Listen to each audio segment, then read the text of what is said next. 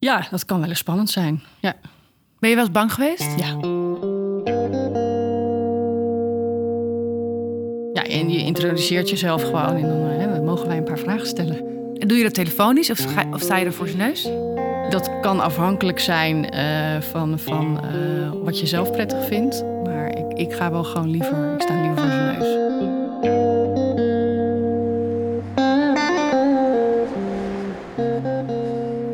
AIVD, een geheime dienst in Nederland.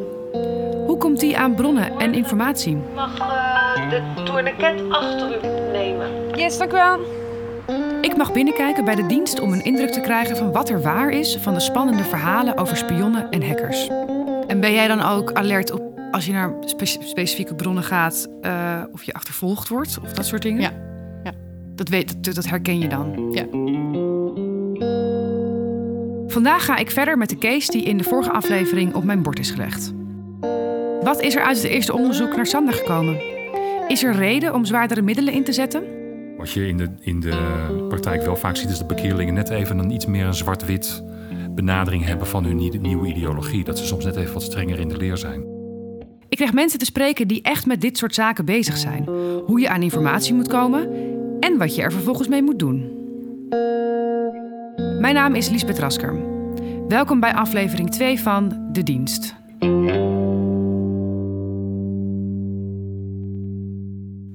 Het is mijn tweede dag en ik ben weer binnen bij de AIVD. Met Bart heb ik een kleine evaluatie van de eerste dag, want op de weg naar huis duizelde het me van de indrukken en nieuwe informatie. Ook over Sander. Want één tip maakt nog geen terrorist. Hoe weet je nou of zo'n flart van een verhaal gewoon een toevalligheid is of dat er meer aan de hand is? Ja, om even terug te komen op Homeland. Eh, in Homeland is het altijd zo dat iedere lead, iedere flart betekent iets. En heeft ook een betekenis in het hele onderzoek. Ja. Alle flarden, alle meldingen, alle zaken die we binnenkrijgen, 95% leidt tot helemaal niets. ja Daar doen we een klein onderzoekje naar. We kijken ernaar, blijkt het niks te zijn.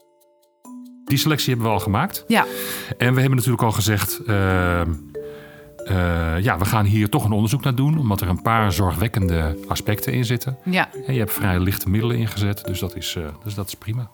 Ja, de case. Daar blijf ik de komende afleveringen mee bezig. De zaak Sander is een fictieve case, maar wel gebaseerd op hoe dit soort dingen in het echt zouden kunnen gebeuren. Tegenover me zitten dan ook echte AIVD'ers die zich met veel meer bezighouden dan alleen contraterrorisme. Extremisme, je hebt links- en rechts eh, extremisme. Spionage natuurlijk. Eh, Er zijn voldoende ehm, organisaties, eh, landen, staten... die, die invloed willen uitoefenen hier binnen Nederland. Die hier ook geheimen vandaan willen halen. Verder hebben we ook nog zoiets als proliferatie van massavernietigingswapens. Wij hebben hier natuurlijk in Nederland bepaalde kennis met, bepaalde, met betrekking tot bepaalde technologie die andere landen graag zouden willen hebben. En die eventueel zouden kunnen leiden tot het maken van massavernietigingswapens. Ja. Uh, inlichtingen buitenland. En dat, dat wisselt dus ook, jouw focus wisselt dus ook dagelijks van dit is dan eh, wat, wat, wat, wat aandacht benodigd heeft. Nee, het is wij. Ik zit zelf bij de afdeling, bij de unit eh contraterrorisme. Dus er zitten eigenlijk alleen teams in eh, die kijken naar terrorisme. Dus ik hoef niet het ene moment naar massavernietigingswapens te kijken en het volgende moment. Dus het is echt gewoon de expertise in mijn team is heel erg gericht op jihadistisch terrorisme. Zoals ik in de vorige aflevering heb geleerd, begint een zaak met de lichtste middelen. En in ons geval is dat een check in de eigen systemen en een OSINT-onderzoek. Oftewel Open Source Intelligence. Wat heeft dat opgeleverd over Sander? Er is een rapport eh, waarin is vastgesteld dat Sander van der Land, die wordt omschreven als een jonge bekeerling, al in 2014 is gezien bij een bijeenkomst met een radicale prediker. Oh, Je maakt weer aantekeningen, heel goed. ja. Eh, verder, eh, het adres is gevonden waarop Sander is ingeschreven. En op dat adres eh, zijn veel meer mensen ingeschreven. Hij is student, eh, heeft inderdaad huisgenoten. En verder blijkt uit onze systemen, dat is ook wel een interessant stukje wat ik hier heb, ehm, dat een van zijn huisgenoten met de naam Linda de Bruin bij ons bekend is. Zij is namelijk ooit als referent opgetreden voor een collega. Bij een Wat is een referent? een referent is ehm, ehm, op het moment dat jij bij ons solliciteert En er gaat een veiligheidsonderzoek naar jou verricht worden. Ah. Dan kan jij een aantal mensen in jouw omgeving opgeven als referent. Ja. Die iets over jou kunnen vertellen. Bijvoorbeeld je, je, je baas of een eh, familielid of een vriendin. Ja. Eh, en blijkbaar heeft Linda de Bruin ooit als referent opgetreden. Dus blijkbaar werkt er hier iemand die haar kent. Of Eh, het kan ook zijn dat, ze, dat er een veilig- een veiligheidsonderzoek naar een functie elders in de overheid, wat ook een vertrouwensfunctie is, dat daar een onderzoek naar gedaan is. Maar dat zij voor ons heeft opgetreden Ja. als referent. En dit is wat we hebben. Ja. Wat Nou- laat jij hieruit af? Ehm, ik denk vooral het feit dat hij eh, als jonge parkeerling bekend staat, dat dat toch wel meer vraagtekens oproept. En al een keer gezien is tijdens een bijeenkomst met een radicale prediker. Ja, en dat wordt natuurlijk niet voor niks opgeschreven. Nee. Die radicale prediker die wordt dus al langer in de gaten gehouden en ook zijn contacten weer. Ja. En wanneer was dat? In 2014. Dus dat is al een tijdje geleden. Maar als we eventjes op een rijtje zetten, wat hebben we nu?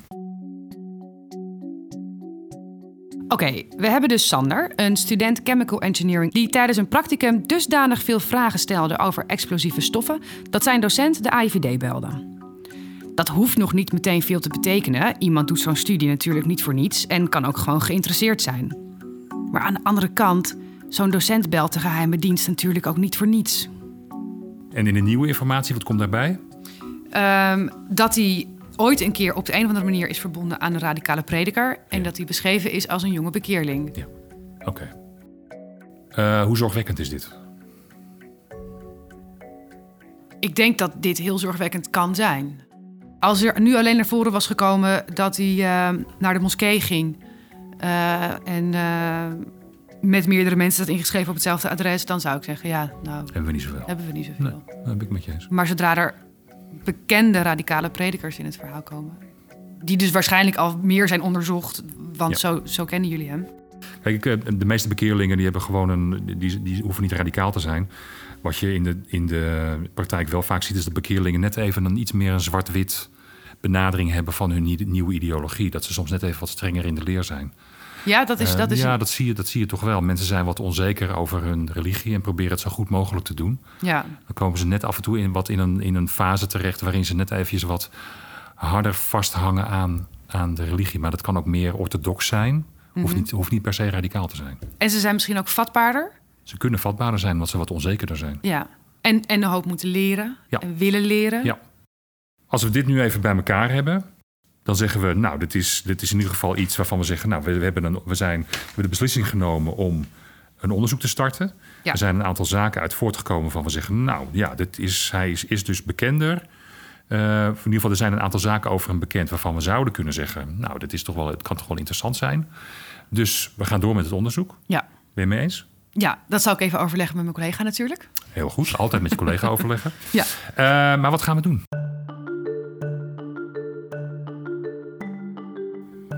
Ik zou wel willen weten wat zijn verhouding is tot die radicale prediker. Mhm. Want samen op een bijeenkomst zijn, dat zegt niet zoveel. Nee. Hoe komen we erachter? Ja, hoe doe je dat? Afgaande op de informatie die we nu hebben, lijkt zijn docent of huisgenoot Linda de kortste route naar Sander. Maar als je haar direct gaat vragen naar Sander, dan is dat toch ook weer een. Hoe zou je dat doen? Hoe denk jij dat onze collega's dat zouden doen? Ja. Ehm.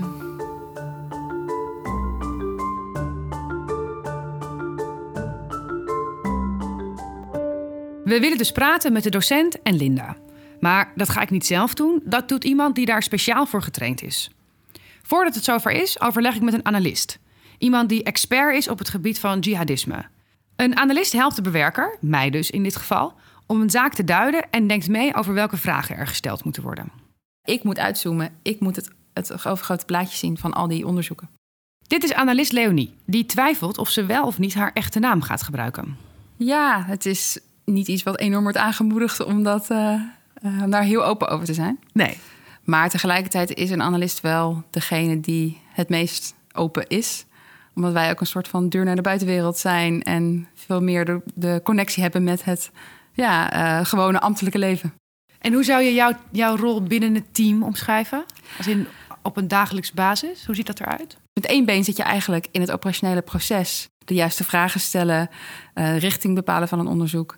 En anderzijds ben je bezig met wat er buiten uh, zich afspeelt. Uh, welke informatie is interessant voor andere personen binnen de overheid? stukken schrijven, presentaties geven. Je bent primair denk ik expert op je onderwerp. En dat betekent dat mensen naar je toe komen uh, om uh, invulling te geven, includering te geven aan nieuwe ontwikkelingen. Ja. Uh, andere, een bewerker houdt zich bezig met het verkrijgen van nieuwe informatie of het ja, uitbreiden van die informatie zoals die er is. En ik kan die informatie duiden en in een grotere ja, een groter plaatje plaatsen. Het idee is ook dat ik wat verder kan uitzoomen ja. en een groot overzicht heb over, over wat, er, wat er allemaal is aan informatie. Ja, en wat moet je kunnen voor jouw baan? Uh, heel kritisch zijn. Uh, ter alle tijden tunnelvisie voorkomen. Belangrijk dat je echt uh, informatie op waarde kunt schatten, maar ook snel verbanden kunt zien tussen verschillende stukjes informatie. Zowel verbaal als schriftelijk daar toch snel en duidelijk dat uiteen kunnen zetten. bepaalde mate van overtuigingskracht. Uh, en op verschillende borden kunnen schakelen. Dus weten wat het operationeel speelt, weten wat er buiten speelt. En toch kunnen buiten, uh, dat ja, is nou typisch een term die IVD'ers veel gebruiken.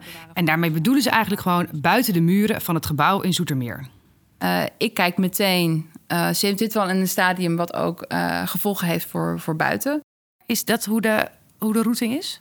Ja, zo ongeveer wel. Um, het is vaak een, een, stukje informatie dat binnenkomt. En idealiter uh, word je als analist dan meteen betrokken bij het verhaal, zodat uh, we gezamenlijk richting kunnen bepalen aan, uh, aan het onderzoek. In dit geval is het nog vrij vroeg in het proces. dus zal, ik, zal die vraag waarschijnlijk later komen. Maar het is wel van een van de eerste zaken die ik, die ik overweeg in principe is het ook omdat een andere partij een bepaalde verantwoordelijkheid heeft. Dus de NCTV die uh, stelt het dreigingsniveau in Nederland ja. vast. Dus als, ik een, uh, als we met een onderzoek bezig zijn wat bepaalde implicaties heeft voor het dreigingsniveau, dan kunnen we besluiten om in een bepaald vroeg stadium ze daarvan te berichten, zodat ze dat mee kunnen nemen ja. in hun inschatting daarvan. En soms is het ook, is ook een afweging, want als het onderzoek nog heel gevoelig is en uh, misschien wil je nog even wachten tot je wat meer duiding hebt. Uh, dus dan, dan ga je dat het besluit eventueel later nemen. Dat lijkt me best wel moeilijk. Ik bedoel, als in, ja. dat zijn hele, hele belangrijke beslissingen. Toch? Zeker, maar dat doe je niet alleen. Maar daar worden dus wel regelmatig flinke discussies over gevoerd. Tuurlijk, ja, ja. absoluut. Ja. Zeker. Wat vind jij van het verhaal van Sander? Van, van onze case? Ja, het is nog vroeg. Ja. Uh, er is nog weinig informatie. Dus ik denk dat we nu uh, vooral op het moment zetten dat we meer informatie nodig hebben. Maar, maar, dit is wel iets waarvan jij zegt, want zeker nu, want ik heb dus net te horen gekregen van Bart dat uh, hij een jonge bekeerling is en dat hij in contact is gebracht met een radicale prediker. Ja. Maar ja, ze hebben elkaar dus bij, ze zijn allebei op dezelfde bijeenkomst geweest. Ik weet niet wat die bijeenkomst is ja. en wat hun relatie überhaupt is. Dus dat zegt mij nog niet zo gek veel. Um, hoe kijk jij daarnaar? Nou, ik had van de documentalist sowieso nog een extra stukje informatie gekregen... wat jij volgens mij nog niet had. En dat is dat uh, Sander vrijwel dagelijks in contact stond...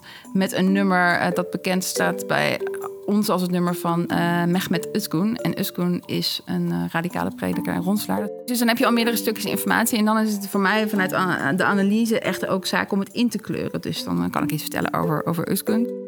Je hebt predikers waarbij, ja, uh, als iemand bij jou uh, langskomt uh, op vrijdag, bij het vrijdagmiddaggebed, dat dat ontzettend weinig betekent. En er zijn gevallen waarbij dat wellicht heel significant is. Maar hij is een bekende van jullie? Ja. Oké, en nu? Is dit dan het punt waarop de alarmbellen gaan rinkelen? Het, het, is een extra indicatie waardoor ik zou zeggen van nee, ga, ga, ga, ga lekker door met zoeken. Ja. Um, maar uh, je moet uh, ook weer niet te snel conclusies Nee, precies. Trekken. En ook altijd ja, uh, alert zijn op eventuele andere uh, redenen waarom je een bepaald contact ziet. Maar ja. die combinatie is heel zorgelijk. Dus dan zou ik zeggen, ja, gewoon verder, verder onderzoek doen. En dan komt Leonie met nog extra informatie die ze heeft gekregen in een rapport van de inlichtingendienst van de politie. Uh, en daar staat dat hij aanwezig is geweest van demonstraties van een radicale groep jonge moslims die zichzelf Behind Bars noemt. En uh, zij zetten zich in uh, voor ja, jonge moslims die in de gevangenis zetten, zeggen ze zo gezegd. Maar goed, als analist weet ik dat uh, van in radicale kringen het, ja, het thema ge- eh, moslimgevangenen toch ook wel wat vaker gebruikt wordt. om die niet alleen in te zetten voor moslimgevangenen, maar vooral voor jongens die vastzitten in terrorismezaken. Dus dat het eigenlijk een soort van vehikel is om daarover te praten specifiek. En dat ze niet opkomen voor jongens die om hele andere redenen vastzitten. Ja. Dus dat vind ik dan vrij significant. Dat hij. eh, Dat hij daar aanwezig was. Absoluut, ja, zeker. En er staat ook dat hij vaker op daarna op die plek is gesignaleerd. Dus je moet wel even kijken van ja, god, eh, was hij daar voor die demonstratie? Uh, dit zijn allemaal ja, vragen eigenlijk die nu, die nu openstaan. Ja. En waardoor uh, ja, waar je eigenlijk verder antwoord op moet proberen te vinden. Wat, wat, doet hij, wat doet hij zo al in zijn vrije tijd? Wat uh, uh, kunnen zij invulling geven aan uh, hoe hij het geloof beleidt? hoe vindt, ja, het is een vrouwelijke huisgenote, mocht je daar, daarop komen. Wat zou dat betekenen? wat, vindt, ja, wat vindt zij als vrouw met hem te wonen? Heeft ze ooit van, iets van gemerkt dat dat voor hem een probleem is? Of dat zij zich op een bepaalde manier moet gedragen? Ja. Als je iemand spreekt, dan kun je dat soort gaten echt heel goed, goed invullen. Dat geeft echt een, een kleur aan het, aan het plaatje. En waar ik als analist altijd naar op zoek ben, is wat we niet weten. Ja. Dus uh, als ik, zelfs als ik een stuk schrijf, dat is eentje die ik best wel vaak bij nieuwe analisten erin moet zien te krijgen. Schrijf niet alleen op wat je wel weet, maar schrijf ook op wat je niet weet. Ja. Wees daar transparant over, anders gaan mensen aannames doen dat we wel alles weten. Dat, dat soort aannames worden er vaak gedaan. Dus, dus ga op zoek naar wat je niet weet.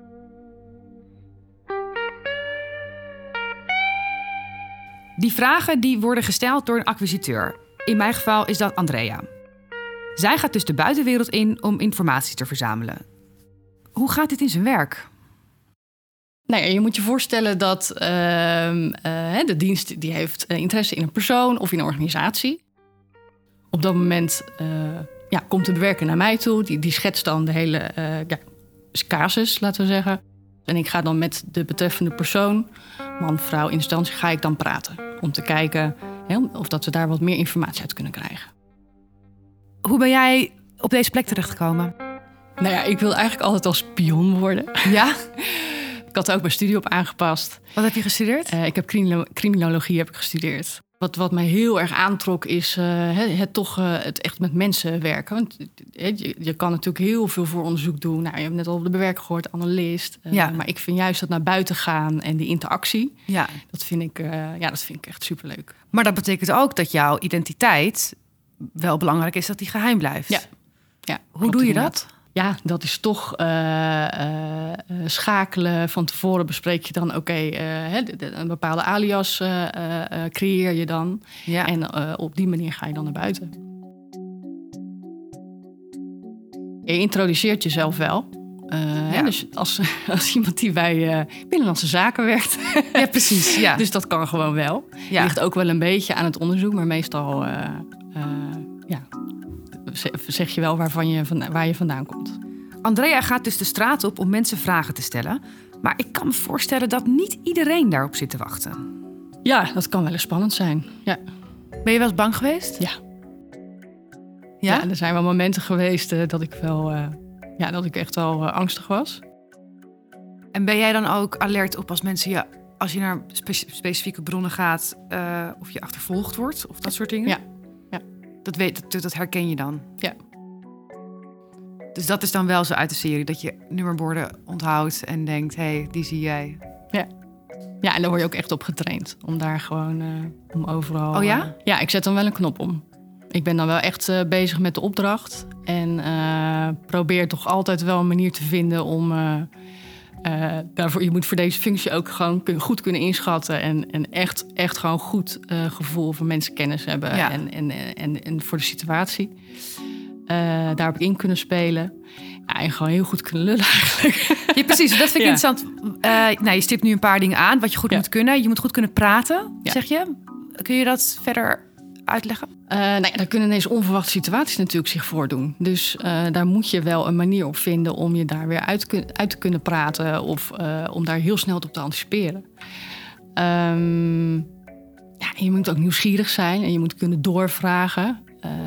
Toch een beetje het onderste uit de kan weten te Ja. halen. Soms kunnen natuurlijk mensen heel erg gesloten zijn. En dan, ja, of, of je moet een, ludieke manier vinden om mensen toch aan het praten te krijgen. Ben je dan eigenlijk eh, gewapend? Nee, nee, nee. Het uh, dragen van een wapen is echt voorbehouden aan de politie. En wij hebben ook echt wel hele andere taken, zeg maar. Eh, Dus je moet het zo zien dat een politie die gaat onderzoek verrichten op het moment dat er een melding wordt gemaakt dat iets staat gebeuren of, eh, of iets is gebeurd. Ja. En dan gaat die onderzoek gaan ze doen. Ehm, en wij, gaan, ja, wij zitten met namelijk op het te voorkomen van dat er zaken gebeuren. Als ik het zo hoor, is de droom van Andrea om spion te worden dus in vervulling gegaan. Maar dan heb je eindelijk die droombaan en kun je er vervolgens met niemand over praten. Ik kan niet op een feestje gewoon vertellen van dat ik echt de tofste baan van Nederland heb. Ja. Dus eh, nou ja, ik ben gewoon een beetje die suffe ambtenaar. Die- sorry. Die eh, eh, eh, gewoon haar werk doet en waar niemand echt in geïnteresseerd is. Maar ehm, ja, een ander dingetje is, eh, nou stel ik, ik win die postcode loterij en Ja. de cameraploeg staat voor de deur. Ja, dan moet ik onder de bank springen, want ik mag niet met mijn gezicht op de televisie. Dat is niet Nee? heel handig. Nee, nee. Nee, wat ik, hè, ik gaf al eerder aan, bronbescherming is echt heel belangrijk. En dat is een van onze, hè, dat is het grootste goed. Dus als ik met een bron toevallig in de openbare gelegenheid zit en ineens zitten mensen, hey, heb ik jou niet eh, gisteren op televisie? gezien?" Ja, Ja. dat wil je niet. We hebben het met Andrea nog niet over de case gehad. Zij moet nu de juiste vragen gaan stellen. Hoe gaat ze dat aanpakken? We gaan natuurlijk naar die docent dan toe. Dus dat gaan we Ja. voorbereiden. Eh, en vervolgens eh, hè, gaan we dan met die meneer of mevrouw praten. Ja, en je introduceert jezelf gewoon en dan hè, mogen wij een paar vragen stellen. Doe je dat telefonisch of, ga- of sta je dan voor zijn neus? Dat kan afhankelijk zijn eh, van, van eh, wat je zelf prettig vindt. Maar ik, ik ga wel gewoon liever, ik sta liever voor zijn neus. De docent kan dus een verrassingsbezoek van Andrea verwachten. En Linda? Ja, hetzelfde. Ja, En ik zou dan ook wel cold eh, voor de, hè, de- gewoon aanbellen en zeggen van... eh, hè, kunnen we even met je praten? En, en daar moet je dus ook wel heel erg sensitief mee omgaan. Mensen kunnen daar wel van schrikken. Maar ik kan me ook voorstellen dat je niet meteen wil dat Sander weet dat er naar hem een onderzoek gedaan wordt. Terwijl als je zijn huisgenoot benadert en zegt: Hoi, ik ben van de AIVD, Ja. dan is de kans groot dat dat bij Sander terechtkomt. Dat zou kunnen, ja. Maar we kunnen natuurlijk wel bepaalde afspraken met, eh, met hè, degene met wie we praten kunnen we maken. En daar vertrouw je dan op dat, dat, dat die worden gewaarborgd. Dat is best een groot vertrouwen, lijkt me. Ja. Hoe, hoe zou je zo'n. Want het is eigenlijk een interview. Ja. Hoe zou je dat aanvliegen? Nou, je hebt natuurlijk van tevoren hebben we een aantal vragen natuurlijk, hè, wat we in ieder geval willen weten van, die, eh, eh, van de persoon in kwestie eh, hebben we voorbereid. Ja. Dus dat soort vragen ga je dan wel stellen. En die doe jij samen met de bewerker en de analist? Of in het team van de acquisiteurs? voorbereiding bedoel Ja. je? Ja, ja, ja. ja. Ja. En de analist heeft natuurlijk hè, een duiding gegeven en een richting. De bewerker die, die werkt dat weer verder uit. En daarmee word ik op pad gestuurd. Hoe, hoe gaat zo'n gesprek? Ja, we moeten natuurlijk niet eh, te dicht op de modus operandi komen. Nee. Maar ehm, ja, het, het, het, het verschilt er echt. De ene die, die vindt het heel fijn om gelijk eh, alles op tafel te gooien. En die, die, die blert alles eruit. Bij wijze van ook dingen die gewoon echt niet interessant zijn. Ja. Eh, dan krijg je ineens een spraakwaterval. En de ander die is heel erg gesloten, heel stil. En daar moet je echt wel interviewtechnieken op kunnen loslaten. Ja. eh, om daar iets uit te krijgen. Eh, dus dat ga ik straks ook doen. Ja, ik ga precies. dus want, met de mensen praten. Ja, dus met de docent en met Linda. Of ook met de andere huisgenoten. Nee, met de docent en Linda. Ja. Dat zijn nu de eerste twee mensen waarmee we gaan praten. Ehm, En wat, ga je ze wat, wat zouden we ze dan gaan vragen? We, maar jij dus? nou ja, merk je veranderingen? Eh, wat is je opgevallen? Nou heeft de docent natuurlijk zelf al aan de bel getrokken. Ja. Eh, maar daar kan je dus dieper op ingaan. Ja, van Eh, waarom? Wat, ja. wat, wat, wat, Ja. is een reeks aan dingen? Ja. Ja, en zo'n huisgenoot, die, die, als het goed is, maakt ze gewoon zo'n hele verandering dan mee. Ja. In, in iemands gedrag. eh, eh, eh, ja, zeker ook eh, bejegening naar haar toe. Dus dat soort vragen ga je dan stellen. En het kan ook zomaar komen, zijn dat, dat hier nu uitkomt dat Sander echt, eh, dat er niks aan de hand is. Ja. Dan ga je weer terug met van, nou ja, merkt niks, eh, ze merken geen verandering op. En eh, dan kan je ervoor kiezen om nog andere mensen te interviewen. Want wie weet eh, zijn Linda en de persoon in kwestie wel toch wel heel erg nauw samen. Ja. Ehm, ja, of je, je onderzoek stopt daarbij.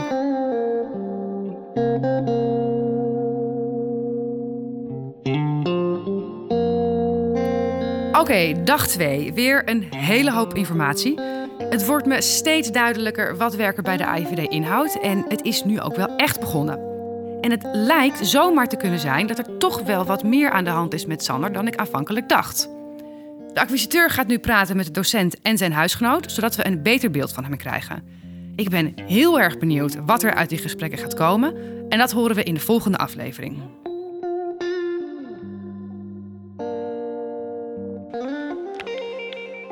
Hey Lisbeth, je spreekt met Bart. Eh, ik bel je op dit late uur nog even, omdat er toch nog wat interessants gekomen is uit de gesprekken van vandaag. Eh, er is een flart van een ISIS-vlag gezien. Ehm, lijkt mij in ieder geval goed genoeg om morgenochtend zo vroeg mogelijk even met elkaar te spreken. Dankjewel.